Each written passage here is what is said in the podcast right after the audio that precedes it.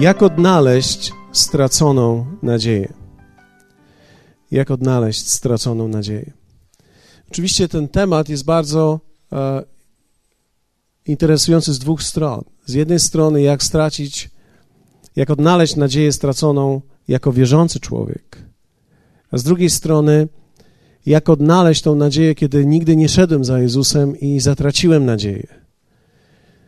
Myślę, że to są zupełnie dwa różne przypadki, chociaż zarówno w jednym, jak i w drugim stanie tak naprawdę człowieka strata nadziei, czy też załamanie się nadziei, utracenie nadziei jest czymś możliwym. W pewnym sensie, czy to jest możliwe, aby stracić coś, co jest tak naprawdę najbardziej fundamentalne w życiu chrześcijańskim, takim jak nadzieja. Wydawałoby się, że ludzie wierzący nie mogą stracić nadziei, ale im dłużej jestem w słowie i obserwuję życie, tym bardziej widzę, że ludzie wierzący również mogą tracić nadzieję i mogą tracić ją czasami gorzej niż ludzie niewierzący. W przypowieści 13:12 jest niesamowity fragment, który chciałbym, żebyście spojrzeli. To jest krótki tekst, tylko jedno zdanie, ale ono mówi o czymś bardzo istotnym. Przewlekłe oczekiwanie sprawia sercu ból. Długie, przewlekłe czekanie na coś sprawia sercu ból. To słowo w hebrajskim ból można przetłumaczyć chorobę, czyli serce choruje. Kiedy długo czeka, serce choruje. To słowo również oznacza napięcie, czyli kiedy długo czekamy na coś, powstaje w naszym sercu, w naszej duszy pewnego rodzaju napięcie. To oznacza również smutek. Czyli gdy się długo na coś czeka, człowiek jest, staje się smutny. To słowo również oznacza zawał. Można dostać zawału, kiedy się długo na coś czeka. Ale to słowo również oznacza rodzić jak kobieta. Myślę, że to nie potrzeba do końca jak kobieta, ale rodzić, rodzić, dokonywać pewnego rodzaju porodu, który My wiemy o tym, że sam w sobie, w samym tym doświadczeniu jest piękny dopiero wtedy, kiedy się o nim opowiada. Natomiast w trakcie, kiedy się go przechodzi, jest to trudne doświadczenie. Więc kiedy ktoś czeka na coś długo, w jego sercu dokonują się rzeczy, które mogą być bolesne. To może być choroba, napięcie, smutek, zawał. To jest pewien aspekt rodzenia. Nikt nie chce rodzić zawsze. W porodzie piękno jest takie, że to jest krótkie. No, powiedzmy krótkie, tak? Są różnego rodzaju porody, ale, ale w rzeczywistości to, że to za chwilę będzie po, jest dla nas wielką ulgą. Mówię dla nas, bo dlatego, że, że sam byłem przez chwilę tylko jak wzięli moją żonę e, na porodówkę i dokonywali jakiejś rzeczy tam na niej i kiedy usłyszałem, jak ona zaczęła krzyczeć, ja, wiecie, ja słyszałem, jak moja żona krzyczy. Na mnie. Ale to był zupełnie inny rodzaj krzyku, kiedy zaczęła krzyczeć z bólu porodu. To jest zupełnie inny rodzaj krzyku i podobno to jest dobrze. E, natomiast ja uciekłem. Ja podziwiam i gratuluję wszystkim panom, którzy rodzili z żonami. To jest super, naprawdę są naprawdę e, fantastyczni faceci. Ja jestem ten starodawny z tego Rambo, wiecie, ja... Sko- Okej, okay, dobrze. Porody to nie moja specjalność. Nadzieję można utraci, utracić z powodu tego bólu, którego człowiek doświadcza, kiedy czeka długo na coś co być może nawet jest wolą Bożą dla niego, ale gdy długo czeka, to jest ból. I ponieważ ten ból nasila się, kiedy my czekamy długo, nie chcemy, żeby nas bolało, więc tracimy nadzieję, bo lepiej jest nie spodziewać się, niż spodziewać się i żeby bolało. Dlatego też chrześcijanie tracą nadzieję w sytuacjach, które przekraczają ich ból w jakich sytuacjach to może się pojawić.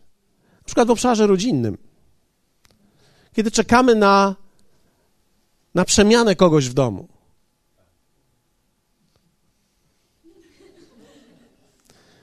przemiana kogoś w domu. Wie, wiecie, to może być osoba nawrócona, ale może być też osoba nienawrócona. Za każdym razem, kiedy jedna osoba czeka na przemianę drugiej, to jest bolesne doświadczenie. Dlatego, że kiedy czekasz, aż ktoś się zmieni, dopingujesz i podwójnie widzisz błędy tej osoby. Rzeczy, które cię nie raziły do tej pory, zaczynają cię razić jeszcze mocniej, ponieważ tak dopingujesz tej osobie, to boli cię bardziej, gdy widzisz, że tego nie robi. A jeszcze bardziej cię boli, kiedy ta osoba nie chce się zmieniać, albo wszystko jest jej jedno, albo mówi, a nie. Dlaczego? Bo nie. I, to jest bardzo trudne doświadczenie dla osoby, która dopinguje, która chce, która ma nadzieję na zmianę tej drugiej osoby. Przemiana kogoś do domu jest trudna, albo nawrócenie kogoś, kiedy ktoś się modli o nawrócenie kogoś i widzisz, że coraz gorzej jest z tą osobą. Kiedy zaprosiłeś kogoś do kościoła, ktoś popatrzył i mówi, co to jest? To nie jest kościół. No i, i ty myślałeś, że zrobisz dobrze, że, że doświadczy ta osoba tego, co ty doświadczyłeś, ponieważ ty przyszedłeś do kościoła i mogło w twoim wypadku tak być, że nagle poczułeś, że ten, kto mówi, mówi jakby do ciebie. Nie wiadomo skąd wie o tobie wszystko. Rzeczywistość słowa jest taka, że kiedy Bóg chce przemówić do nas, używa człowieka i ten człowiek tak jakby mówi nie do wszystkich, mówi nagle do mnie. I to jest jedno z dowodów, jeden z dowodów, że Bóg mówi do ciebie. Nikt nie opowiedział o twoim życiu. Ani też ja nie robię osobistych wycieczek w twoją stronę, bo wiedziałem, że będziesz. Bo skąd mogłem wiedzieć, że będziesz? Ja kiedyś próbowałem wcelować w ludzi, ale to jest bardzo trudne, bo się okazuje, że ludzie bardzo łatwo uciekają, więc nie można ich złapać. Wtedy, kiedy ty przygotujesz kazanie dla nich, ich akurat nie ma. Ich akurat nie ma. Więc z mojego punktu widzenia machnąłem na to ręką, pomyślałem sobie, będę słuchał Boga. Co wy na to? To chyba lepsze jest. Więc ten obszar rodziny jest trudny. Szczególnie tracimy nadzieję w, w, tych, w tych kwestiach, ponieważ rodzina, bliskie rzeczy, które nas bolą, są dla nas trudne. I czasami możemy się poddać i możemy stracić nadzieję w tym obszarze. Obszar kolejny to jest obszar finansów. Są ludzie, którzy mają ciągłe problemy finansowe. Moja jedna z myśli, którą chciałbym dzisiaj powiedzieć do ciebie, jeśli masz ciągle problemy finansowe, to prawdopodobnie to nie jest tylko kwestia rynku, Polski, ekonomii i VAT-u. To jest kwestia myślenia. Dzisiaj rano włączyłem telewizję na chwilę spojrzeć, co się dzieje i teraz dowiedziałem się, tu podwyżka, tu podwyżka, zmiana z 7% na 23%, tu będzie podwyżka, tu będzie podwyżka, tu będzie podwyżka i tu będzie podwyżka. I wiecie, tak sobie spojrzałem na to, pomyślałem sobie i nagle taka myśl przeszła przez moją głowę. A niech sobie będą te podwyżki. Bóg zaopatrzył mnie wtedy, zaopatrzy mnie w przyszłości. W końcu nie jestem sam. Bóg wiedział, że będzie VAT, Bóg wiedział, że będą podwyżki. Jest nowy rok, wszystko drożeje, więc ja nie będę narzekał i nie będę się koncentrował na tym, jak ciężko będzie, ale będę dalej myślał i marzył i w jakiś sposób kształtował szeroko plany, ponieważ nie jesteśmy sami. Nie jestem sam na tym świecie, nie muszę sam. Wiecie, często te wszystkie informacje, które dostajemy, jedyną rzecz, którą one mają zrobić w nas, to jest wytworzyć w nas lęk. Że teraz co z nami będzie? Ale co z nami będzie, nie może powiedzieć nam telewizja, słowo nam mówi, co z nami będzie. I wszyscy ci, którzy wierzyli temu słowu przez wieki, wyszli na tym dobrze, przeszli przez każdą trudną rzecz, ponieważ Bóg był z nimi. Ale ten obszar finansów, ciągłe problemy finansowe, zmaganie się z brakiem, lub też czasami błędy wcześniejsze. Są ludzie, którzy popełnili duże błędy w przeszłości i cierpią z tego powodu, próbują z tego wyjść. Zrobiliśmy coś źle kiedyś i teraz cokolwiek byśmy nie zarobili, wszystko idzie w tą czarną dziurę, która jest zawsze czarna. Czyli nie widać dna w tej dziurze. Jest zawsze czarna. W takich sytuacjach ten ból, który rodzi się, jest pokuszeniem, żeby się poddać. Żeby powiedzieć, to wszystko nie ma sensu. Lepiej machnąć ręką na to. Bóg może pomaga, ale komuś, nie mi. Ja słyszę, że Bóg ciągle pomaga gdzieś i to tak naprawdę mnie bardziej frustruje niż buduje. Bo kiedy sam tego nie doświadczyłeś, to często to, że Bóg pomaga komuś, albo że myśli ten ktoś, że Bóg mu pomaga, to pewnie Bóg mu nie pomaga, tylko tak się złożyły okoliczności. Jesteśmy w stanie być pokuszeni, aby myśleć w tą stronę. Tak samo też obszar osobisty. Porażki na przykład w swoich nałogach. Są ludzie, którzy próbują coś rzucić, przestać coś robić, przestać jeść w końcu te chipsy i E, i nagle patrzysz, że oni zrobili na ciebie chipsy 70% tłuszczu. No i teraz myślisz sobie, no to jest straszne, ponieważ e, do tej pory chciałeś rzucić te chipsy, ale teraz masz 70% mniej, no to już nie jest tak źle, to jest tak pomiędzy. Więc wiecie, są ludzie, którzy chcą przestać palić. Jest to dla nich wyzwanie. Czasami męczą się tym latami. Czasami widzę 20 lat próbuje przestać palić, nie może przestać palić. I wiecie, kiedy ktoś 20 lat próbuje przestać palić, nie może przestać, 40 lat próbuje przestać palić, nie może przestać palić, to jest to dla niego trudne.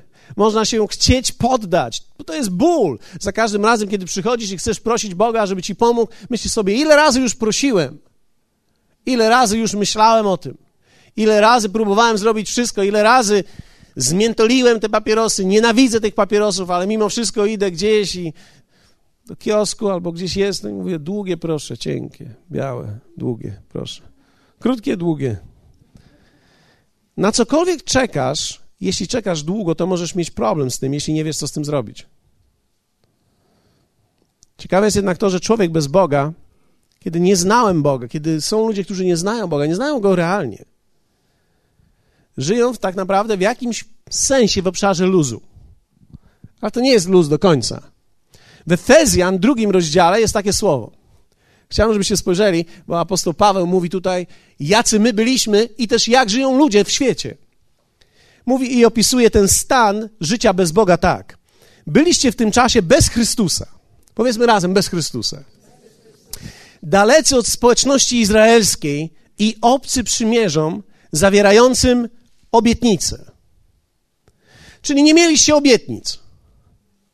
Nie mający, zobaczcie, nadziei. I bez Boga na świecie. Czyli żyliśmy bez Boga i nie mieliśmy nadziei. Wiecie, każdy człowiek ma nadzieję. Więc o jakiej nadziei tu jest mowa? Nie mieliście nadziei na to wszystko, co jest obiecane tym, którzy są w Chrystusie. Dlatego, że w momencie, kiedy jesteś włączony w Boga, jesteś włączony w Jego drogę, kiedy Jezus jest Twoim Panem, nagle masz obietnicę od Niego i masz inny rodzaj nadziei. Ale ludzie bez Boga mają też pewien rodzaj nadziei. Liczą na ludzi, liczą na siebie i na okoliczności. Mają nadzieję na życie. Bez Boga nie pokładaliśmy nadziei w Nim, ale w sobie samych i w ludziach wokół nas. Zgadnijcie, jaki jest tego efekt najczęściej. Najczęściej człowiek w świecie, nie mający nadziei, liczy tylko na swoje siły lub szczęście. I to jest to, na czym się zawodzą ludzie. Kiedy człowiek żyje bez Boga, zawodzi się na ludziach i zawodzi się na sobie. Ale to jeszcze nie jest tragedia. Dlatego, że kiedy człowiek poznaje Boga, ale nie wie, jak żyć z nim, może zawieść się w nieprawidłowy sposób na Bogu. I to już jest gorsze. Dlatego, że człowiek, który nie znał Boga, żył bez Boga, zawiódł się na ludziach, zawiódł się na systemach, zawiódł się na sobie, to on ma jeszcze w dalszym ciągu Boga, ma jeszcze szansę. Ale kiedy wierzący człowiek, który żył z Bogiem, nagle zawodzi się na Bogu w jego oczach, w jego sercu, w jego umyśle, to taki człowiek ma naprawdę duży problem.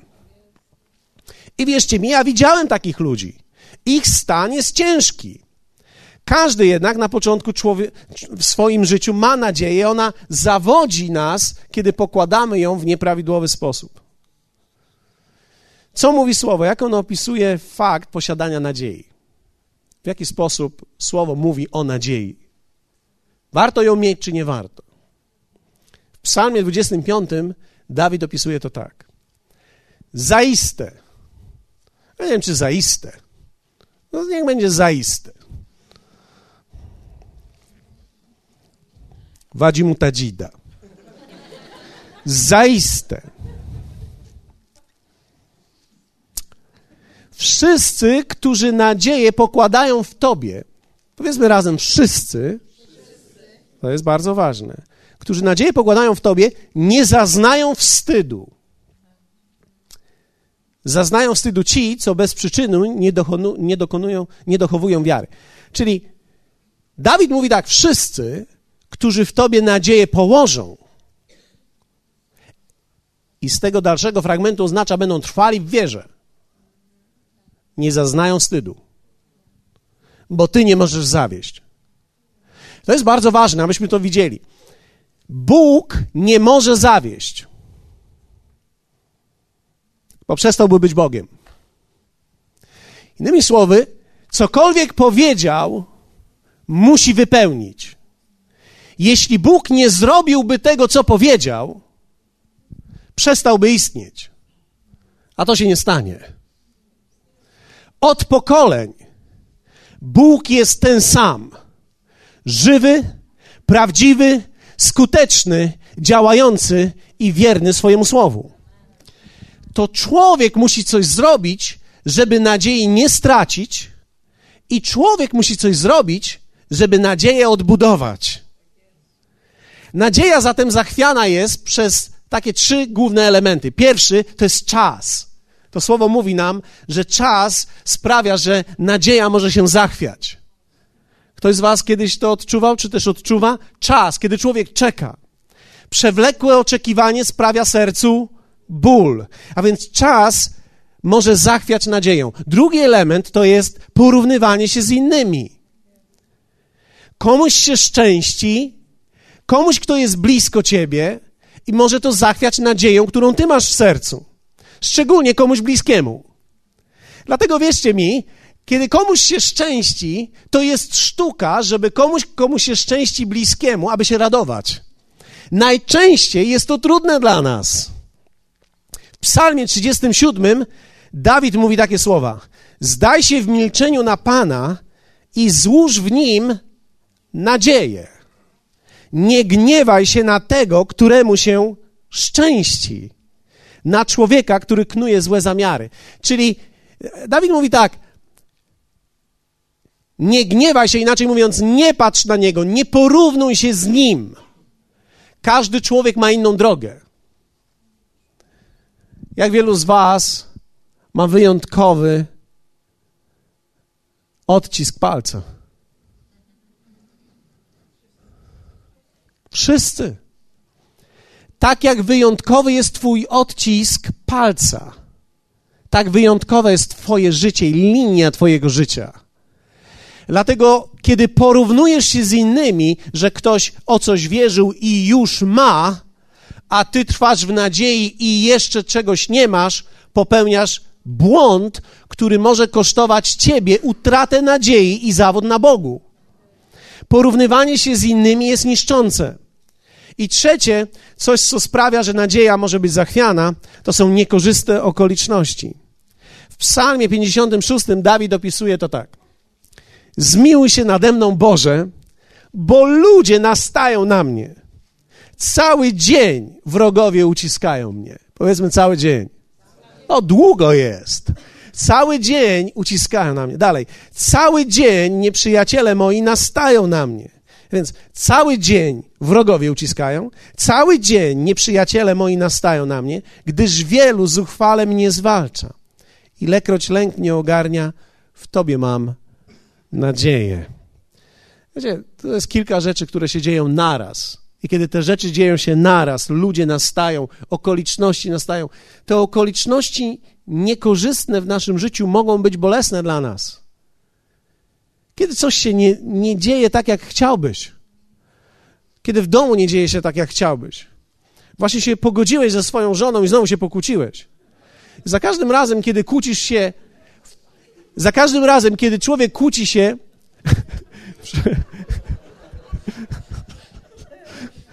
krótkiej odległości od poprzedniej kłótni, najczęściej wywlekamy to nie tylko teraz, ale z poprzedniej również. Więc wiecie, następuje pewnego rodzaju synergia argumentów. W małżeństwie, które kłóci się stosunkowo często, to dochodzi do zamieszania, ponieważ nagle on albo ona wywlekają coś, co było miesiąc temu. A miesiąc za mnie, okej, okay, to jak ty za, z miesiąca wyciągasz, to ja ci wyciągnę coś sprzed roku. i teraz wyciągamy coś sprzed roku, zaczynamy się kłócić o coś tak naprawdę, co w ogóle nie ma miejsca teraz. Więc teraz się gniewam, jak ona się zachowała na Wigilii trzy lata temu. Zaczęliśmy od czegoś dzisiaj, ale o to teraz chodzi, co było trzy lata temu. Chodzi o to. No więc ja nie mówię, żeby nie kłócić się często, bo zdrowo jest przechodzić prawidłowo konflikty często, niż czekać i wybuchać w ostateczności. Więc dobrze jest wypracowywać język konfliktu w trakcie. Ale jak wielu z Was wie o tym, że to jest trudne? Są różne sytuacje. Więc, więc nagle pokłóciłem się z żoną i to już jest trzecia kłótnia w tym tygodniu, próbowałem coś zrobić i teraz nagle wszystko jest źle. Człowiek jest w stanie stracić nadzieję, że w końcu będzie dobrze. I teraz nagle idziesz do pracy, w pracy też jest źle, bo coś się stało, ktoś czegoś nie dopilnował, ktoś czegoś nie sprzedał, albo była okazja, żeby sprzedać, nie sprzedali, a im jest wszystko jedno, bo co to tam dla nich 100 tysięcy, które ty byś mógł zarobić. Prawda? Dla ciebie to jest coś ważnego, ale dla nich to nie jest nic ważnego. Więc nagle zaczynasz być zdenerwowany na ludzi, na okoliczności, na sytuację. Wracasz do domu, odgrzewana kłótnia sprzed trzech dni. Co będziemy jeść? Będziemy jeść to, co upolowałeś, kochanie, czyli nic. Więc zaczynamy nagle rozmawiać o tym, dlaczego nie gotujesz tak jak normalnie powinno być. Ja nie mówię, że to są moje kłótnie, ale jak wielu z was wie o tym, że ja daleko nie mogę szukać. Ja zawsze szukam po moim własnym domu, więc wszystkie problemy, o których wam powiedziałem, sam mam. Nie wszystkie mam w takim stopniu. Z niektórych już wyszedłem. Ale to jest dobrze, bo mam o czym opowiadać. Hallelujah. Jeśli wierzący nie będzie ostrożny, i nie będzie opanowywał swojego umysłu, aby był trzeźwy, może się szybko zniechęcić i stracić nadzieję. Wtedy masz takie sytuacje, że przychodzisz na spotkanie, bo jeszcze to, to na, na spotkanie my jeszcze przyjdziemy. Ludzie zaczynają wielbić, zaczynają wielbić Boga, ale ty myślisz sobie, a, a, dobrze, że światła pogasili. Ja przeczekam. Przyjdę później. Tak 20 po mniej więcej. Przestajesz podnosić ręce. Zaczynasz mieć problem nie z sobą, nie z żoną, tylko zaczynasz mieć problem z Bogiem. Bo to On cię zawiódł. Czekałeś długo. Wierzyłeś. On ciebie zawiódł. Myślę, że to jest bardzo ważne, aby tego nie utracić, ale kiedy utraciłeś tą nadzieję, mam dla was dobrą nowinę dzisiaj. Ja mam przygotowałem trzy punkty, które znalazłem w słowie. Znalazłem trzy, szukałem je przez długie, długie lata. Znalazłem trzy, ale efekt będzie piorunujący, kiedy to zastosujesz. Nie musisz zastosować wszystkich naraz. I to jest też piękne. Wiecie, kiedy idziemy do lekarza i on podaje nam serię leków, to weźmiesz, to weźmiesz, to weźmiesz, ważne jest, poczytaj, jakie są efekty uboczne. Wiecie, ja za każdym razem, to jest ciekawe, zaczynam czytać efekty uboczne wyrzucam lekarstwa. Myślę sobie, nie, jak to mam je wszystko spotkać, co oni tutaj piszą, to ja dziękuję bardzo. Poczekam. Poczekam, aż mi przejdzie. Ale kiedy idziesz do lekarza i dostajesz serię różnych leków, musisz wziąć wszystkie, ponieważ one jakby balansują wszystko i to jest na to, i to jest na to, i to jest na to, na strzykanie tu, to na strzykanie tu, to na strzykanie tu, a tu, żeby ci się dobrze odbijało we właściwym czasie, a to jeszcze na coś jeszcze tutaj. Więc my Musisz zastosować wszystkie. Natomiast to, co dzisiaj powiem, jeśli tylko jedną rzecz zrobisz, zadziała. Odbudujesz nadzieję i znajdziesz nadzieję w sobie i zaczniesz znowu iść dalej. I to jest piękno słowa, że nie musisz zastosować wszystkiego naraz, ale wystarczy jedną rzecz, którą zastosujesz i z pewnością ci to pomoże. Jesteście gotowi na tę chwilkę? Okej, okay, jakkolwiek ta chwila brzmi. Pierwsze, buduj szacunek do właściwych rzeczy. Ktoś może zrobić wielkie oczy i powiedzieć tak, a co takiego ma szacunek wspólnego z nadzieją? Brak nadziei bardzo często związany jest z tym, że nie widzimy już żadnych wartości wokół siebie. Wszystko, na co patrzymy, jest bez sensu. To a, nie ma sensu. To a, też nie ma sensu. To też nie ma sensu. Biblia Aż nie ma sensu. E, wiecie, wszystko nie ma sensu. W przypowieści 23 przypowieści są pięknym tekstem. Wierzcie mi. Salomon nie napisał samych super rzeczy. Ja mam kilka problemów z Salomonem. Pod koniec życia, jak chcesz zobaczyć, jak bez Boga się żyje, zacznij czytać jego końcówki tekstów. Nie ma sensu, nie ma sensu. Marność nad marnościami, wszystko marność, marność, marność. Nie ma sensu, beznadzieja, źle, koniec, niedobrze. Ale początek jego był całkiem niezły. Przy powieści 23 czytamy takie słowo. Niech Twoje serce nie zazdrości grzesznikom, lecz niech zawsze zabiega o bojaźń Pana. Bo wtedy jest przed Tobą przyszłość i nadzieja Twoja nie zawiedzie. Bo wtedy, kiedy? No wtedy, kiedy będziesz zabiegał o bojaźń Pana. Bojaźń Pana jest to stare testamentowe określenie, które często dla nas, Polaków, wymaga wyjaśnienia. Dlatego, że my byliśmy uczeni, jak się Boga bać. Ale bojaźń Boża to nie lęk przed Bogiem. Bojaźń Boża to jest szanowanie rzeczy, które są Boże. Bojaźń to nie lęk, to szacunek do tego, co jest Boże.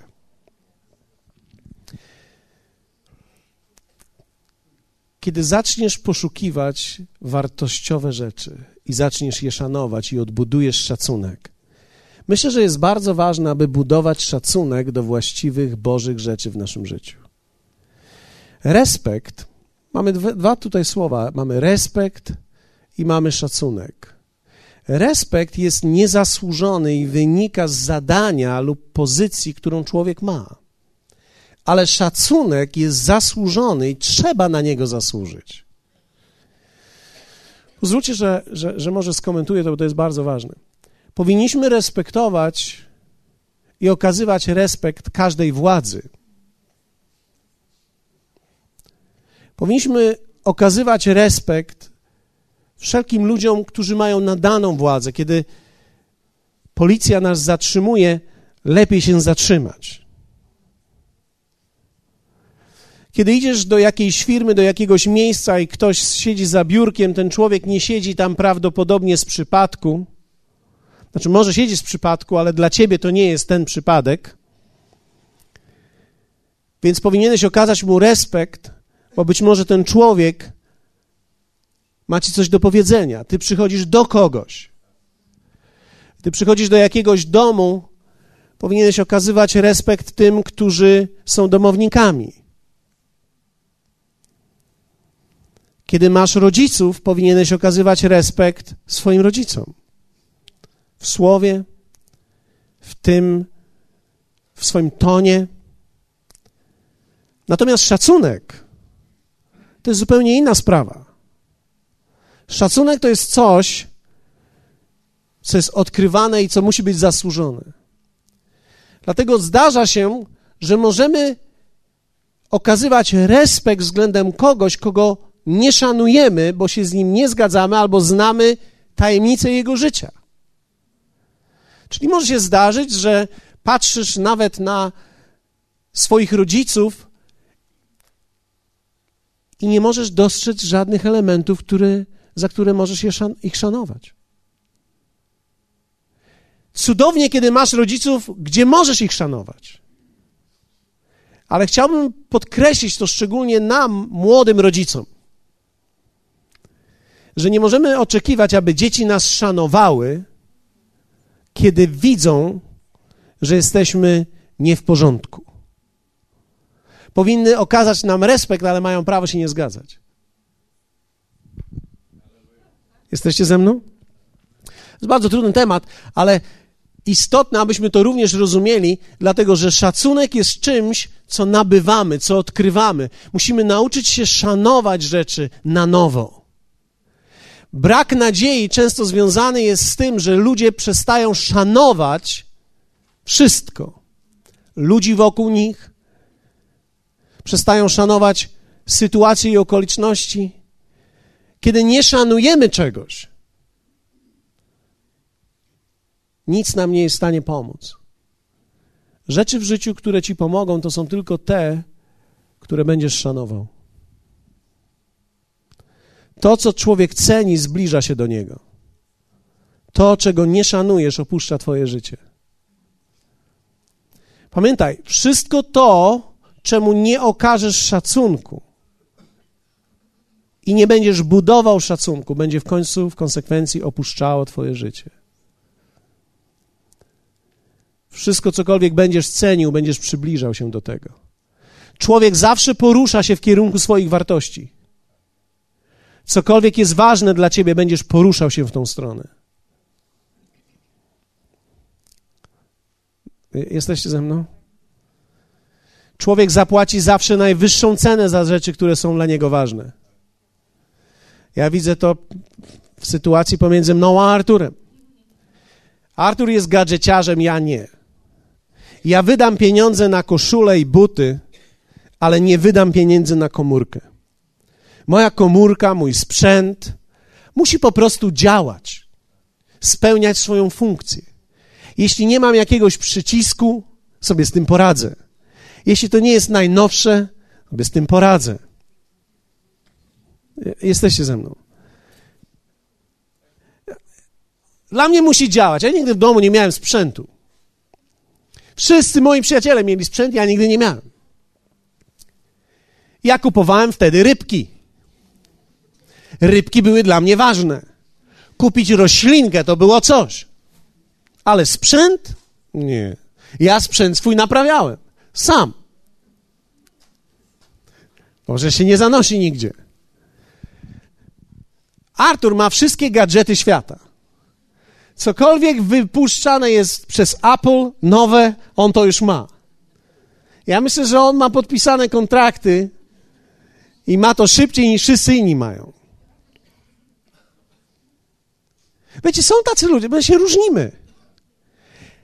Człowiek zawsze ceni coś w życiu i zapłaci za to najwyższą cenę. Kiedy ja mam wydać tysiąc złotych na gadżet, mówię, nigdy się nie opłaca, dla mnie się nigdy nie opłacało wydać tysiąc złotych na gadżet. Malutki, skrzynka, nazywa się, jak to się nazywa? Xbox. No przecież Xbox to już wiadomo, że jak jest X, to nie wiadomo. Kto pakuje tysiąca ponad w niewiadome? I pamiętam któregoś dnia Artur opowiada mi, mają Xboxa, grają w domu i teraz ten nowy czyta coś, jak ty wyglądasz i robi takie same ruchy, jakie ty robisz. Ja tak stoję, patrzę, jak on opowiada, jakie to jest fantastyczne, jak to wspaniale, możesz grać i tańczysz, normalnie tańczysz. Ja tak stoję obok tego i słucham, myślę sobie, ten człowiek żyje na zupełnie innej planecie niż ja. Ja próbuję przyjść do niego i powiedzieć, ej, Kelvin Klein, Słyszałeś? Co? Ke nie Kevin sam w domu, Kelvin Klein.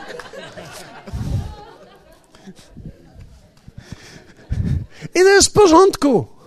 Żebym ja miał gadżet, to już musi mi gadżet kupić. Oczywiście nikt mi nie kupi gadżetu, ale kiedy mielibyśmy tysiąc złotych i mamy dwóch różnych ludzi, my wydamy pieniądze na zupełnie inne rzeczy. Dlatego każdy człowiek musi umieć rozpoznać, w czym jest jego wartość, co, co cenisz, na co wydajesz, co chcesz. Dlatego, że bardzo często po swoich inwestycjach możesz zobaczyć, co jest ważne dla ciebie. Jesteście ze mną? Dlatego musimy umieć budować szacunek do właściwych rzeczy. Kiedy zaczniesz budować szacunek do właściwych rzeczy, nagle się wszystko zmieni. Dlaczego mówię budować szacunek do właściwych rzeczy? Dlatego, że my najczęściej budujemy szacunek do rzeczy, których nigdy nie mieliśmy, a zawsze ich pragnęliśmy. Wiecie, kiedy człowiek jest mały i czegoś nie ma, to później jak jesteś duży, to pomyślisz sobie, a zawsze to będę miał. Czyli rośnie w tobie coś takiego, pragnienie i pożądanie tych rzeczy rośnie w tobie i byś chciał je za wszelką cenę. Całe swoje życie kierujesz tą stronę. Jak ktoś był biedny, chce być bogaty. Chcę być bogaty, za wszelką cenę chcę być bogaty. Jak zawsze miałeś meble na gumkę, to chcesz mieć w końcu meble, które się zamykają i, i, i szufladę tak machniesz, a ona sama tak hamuje i się sama mm, dociąga. I tak myślisz sobie, aż to jest genialne. I się bawisz tą szufladą, puszczasz ją i nie możesz uwierzyć, że ktoś takie coś wymyślił, że puszczasz ona na hamulcu i dociągnie sama. Bo jeszcze hamowanie to jedno, ale dociągnąć to... Wiecie, kiedy miałeś całe życie, że gumeczką od włosów ciągnąłeś szafkę w kuchni, to, to chcesz w końcu czegoś i to jest dla ciebie wartość. Często wartości, które budujemy, są zupełnie tymi wartościami cielesnymi, których nigdy nie mieliśmy. Dlatego jest to tak ważne, abyśmy umieli świadomie i celowo budować wartości, które są właściwe i ważne. A więc budować wartości w obszarze Bożych rzeczy. Pewne rzeczy Boże muszą stać się ważne dla nas. Wiecie, myśmy mieli ty, miesiąc e, o kościele. Wiecie, kościół musi być ważny dla mnie. Miejsce, w którym jestem, musi być dla mnie ważne. Miejsce mojego powołania musi być dla mnie ważne. Miejsce, abym wypełniał moje powołanie, musi być dla mnie ważne. Czas mój z Bogiem musi być dla mnie, musi stać się dla mnie ważny. Czytanie słowa musi stać się dla mnie ważne. Ja mówię musi, ale może nie musi, ale no, nie musi, to znaczy człowiek nic nie musi. Można żyć w beznadziei całe życie. Ale jeśli chcesz odbudować nadzieję, coś musi stać się wartościowe dla ciebie. A więc buduj szacunek do właściwych rzeczy. Drugie, edukuj swoją duszę. Same trudne punkty mam dzisiaj. Edukuj swoją duszę. Ja nie mówię, że gdy zrobisz wszystkie naraz, pamiętajcie, tylko jedną rzecz wystarczy, jak zrobisz. Więc jeśli ktoś już ma dość, nie wychodź jeszcze, poczekaj chwilę. Edukuj swoją duszę. W przypowieści 24 czytamy tak. Synu mój, jedz miód, bo jest dobry. To nie koniec, ale dobrze się zatrzymać na tym. Powiedzmy razem, jedz miód, bo jest dobry. Słodki jest plaster miodu dla Twojego podniebienia. I teraz, tym też jest wiedza i mądrość dla Twojej duszy. Jeżeli ją znajdziesz, masz jeszcze przyszłość, a nadzieja Twoja nie rozwieje się. Wiecie, wiedza nie przychodzi sama. Wiedza nie przychodzi sama. Ona musi wynikać z pragnienia i z rozwojowego życia. Dlatego ja wierzę w to, ktoś, ktoś do mnie przyszedł ostatnio i zapytał,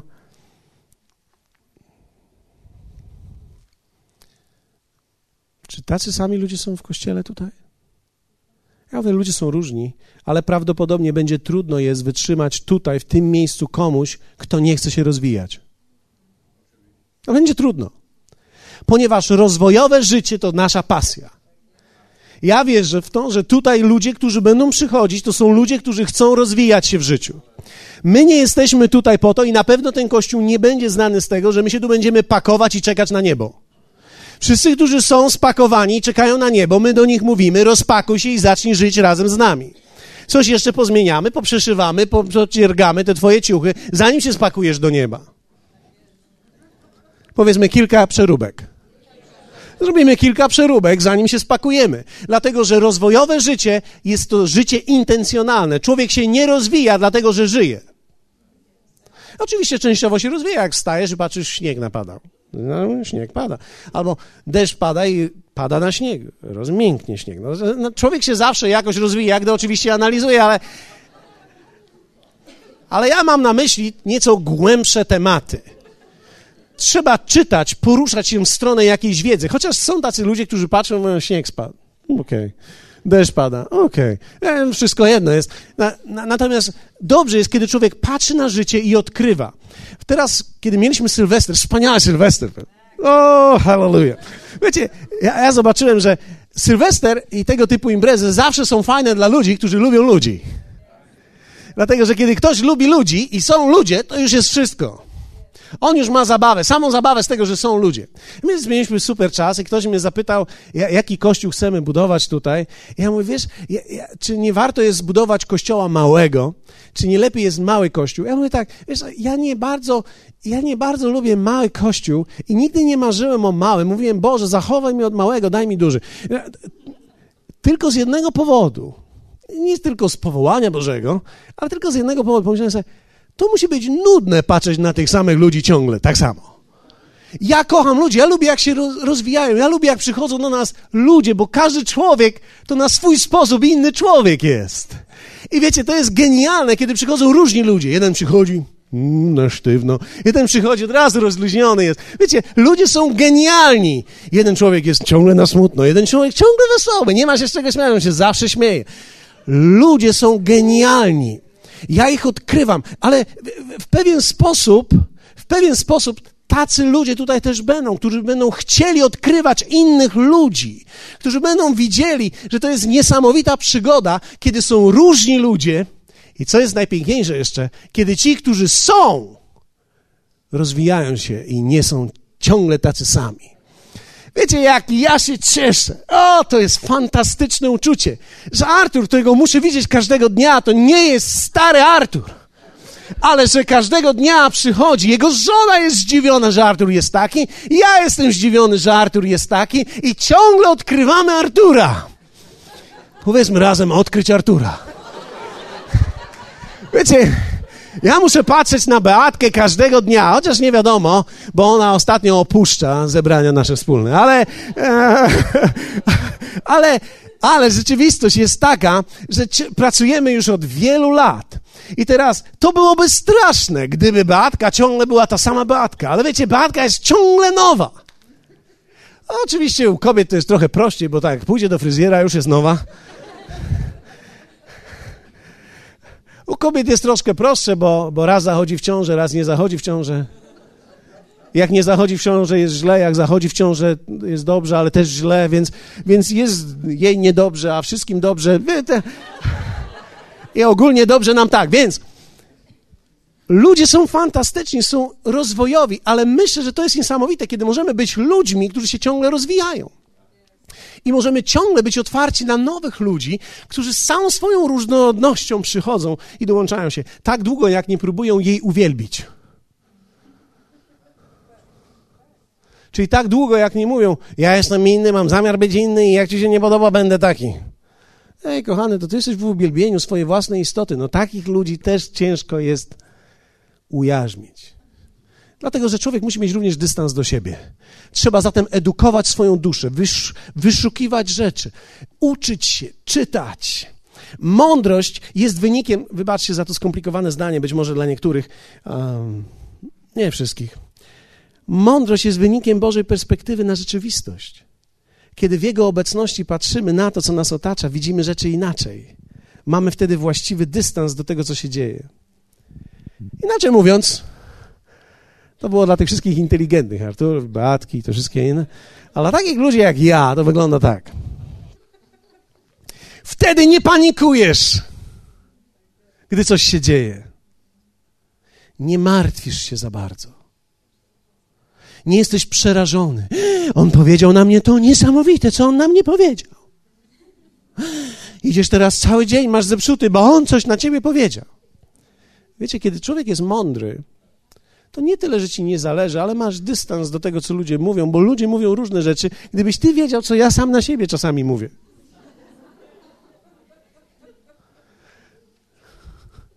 Sam o sobie czasami masz złe zdanie. Pozwól innym ludziom mieć czasami złe zdanie o tobie. Bądź sprawiedliwy.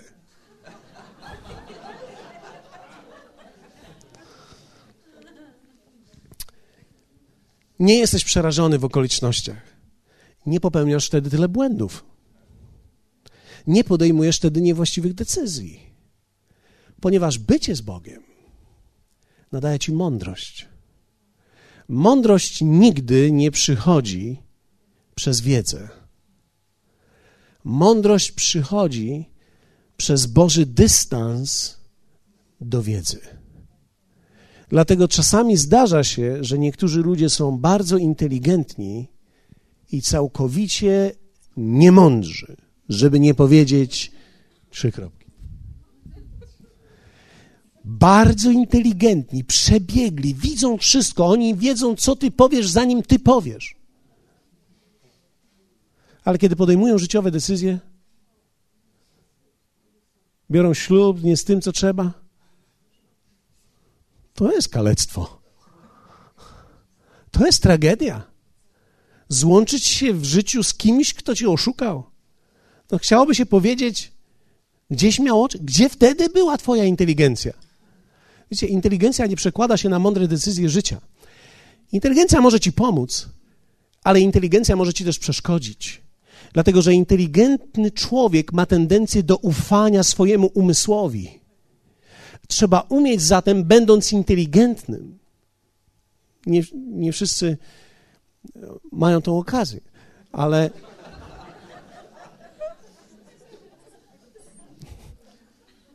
Ale wiecie, Bóg daje takim jak my szansę. Że nawet jeśli nie mamy tego IQ na 100 ileś, tylko na ledwo 24, to w dalszym ciągu Bóg może nadać ci perspektywę na to, co widzisz i możesz podejmować mądre, życiowe decyzje. Dlatego człowiek musi edukować swoją duszę. Kiedy będziesz edukował swoją duszę, Twoja nadzieja podźwignie się. Zobaczysz rzeczy w nowy sposób. I ostatnie, ale do ostatniego punktu potrzebuję zespołu. Nie wiem dlaczego, ale zobaczymy całego. No, ze trzy osoby z przodu jeszcze poproszę. Ale nie wolontariat.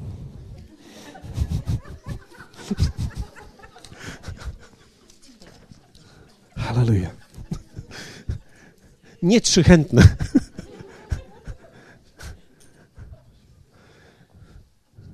Powstańmy razem. Jak odnaleźć straconą nadzieję? Ostatnia rzecz jest: przyjmij Jego miłość. Ktoś może zadać znowu bardzo rozsądne pytanie. A co to ma wspólnego z nadzieją? Bardzo wiele. Wiesz, że Bóg nie może kochać Ciebie bardziej niż kocha?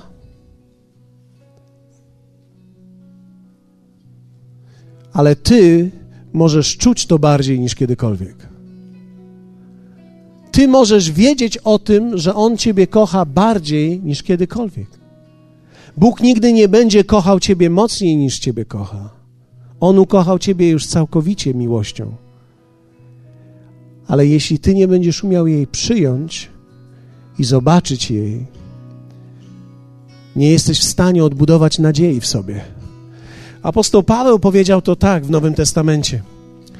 Usprawiedliwieni tedy z wiary pokój mamy z Bogiem przez Pana naszego Jezusa Chrystusa, dzięki któremu też mamy dostęp przez wiarę do tej łaski, w której stoimy i się chlubimy nadzieją chwały Bożej. A nie tylko to, chlubimy się też z ucisków, wiedząc, że ucisk wywołuje cierpliwość, a cierpliwość doświadczenie, doświadczenie zaś nadzieję. A nadzieja nie zawodzi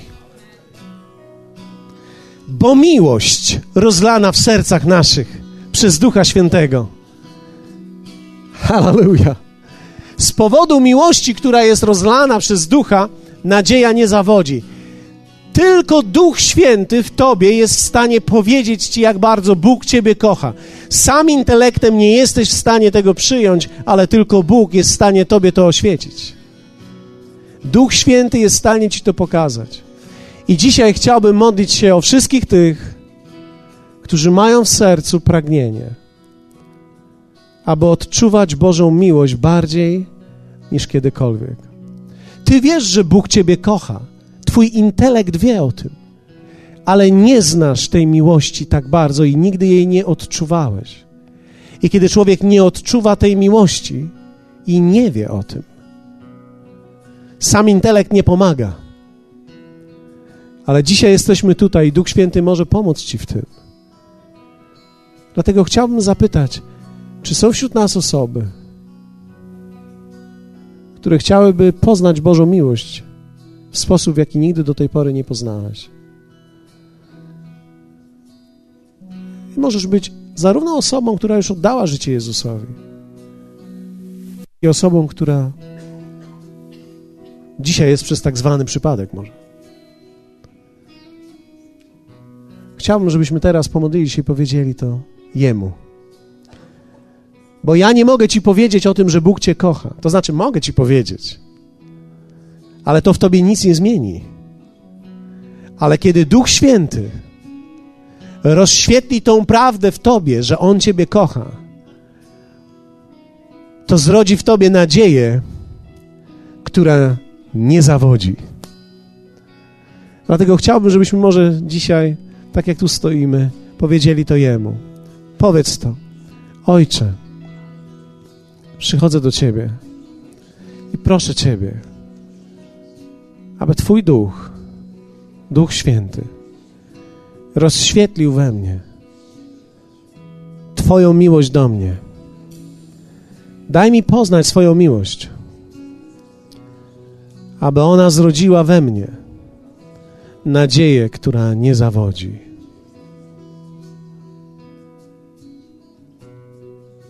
O to Ciebie dzisiaj proszę. Amen. Ponieważ modliłeś się tą modlitwą z wiarą, Duch Święty będzie pracował w Twoim sercu. Kiedy otworzysz swoje słowo, swoją Biblię, Jego słowo, kiedy będziesz w Jego obecności, może w samochodzie, gdy będziesz słuchał płyty lub muzyki, Bóg będzie objawiał Ci, jak bardzo Ciebie kocha. Kiedy człowiek poznaje, jak Bóg go bardzo kocha, ma w sobie odbudowaną nadzieję, która nigdy nie zawodzi. O, gdybyś wiedział, jak Bóg Cię kocha. Nigdy byś nie wątpił w Jego miłość i nigdy byś nie zwątpił we wszystko, cokolwiek powiedział. Wierzyłbyś Jemu, bo ta nadzieja nie może zawieść. Hallelujah.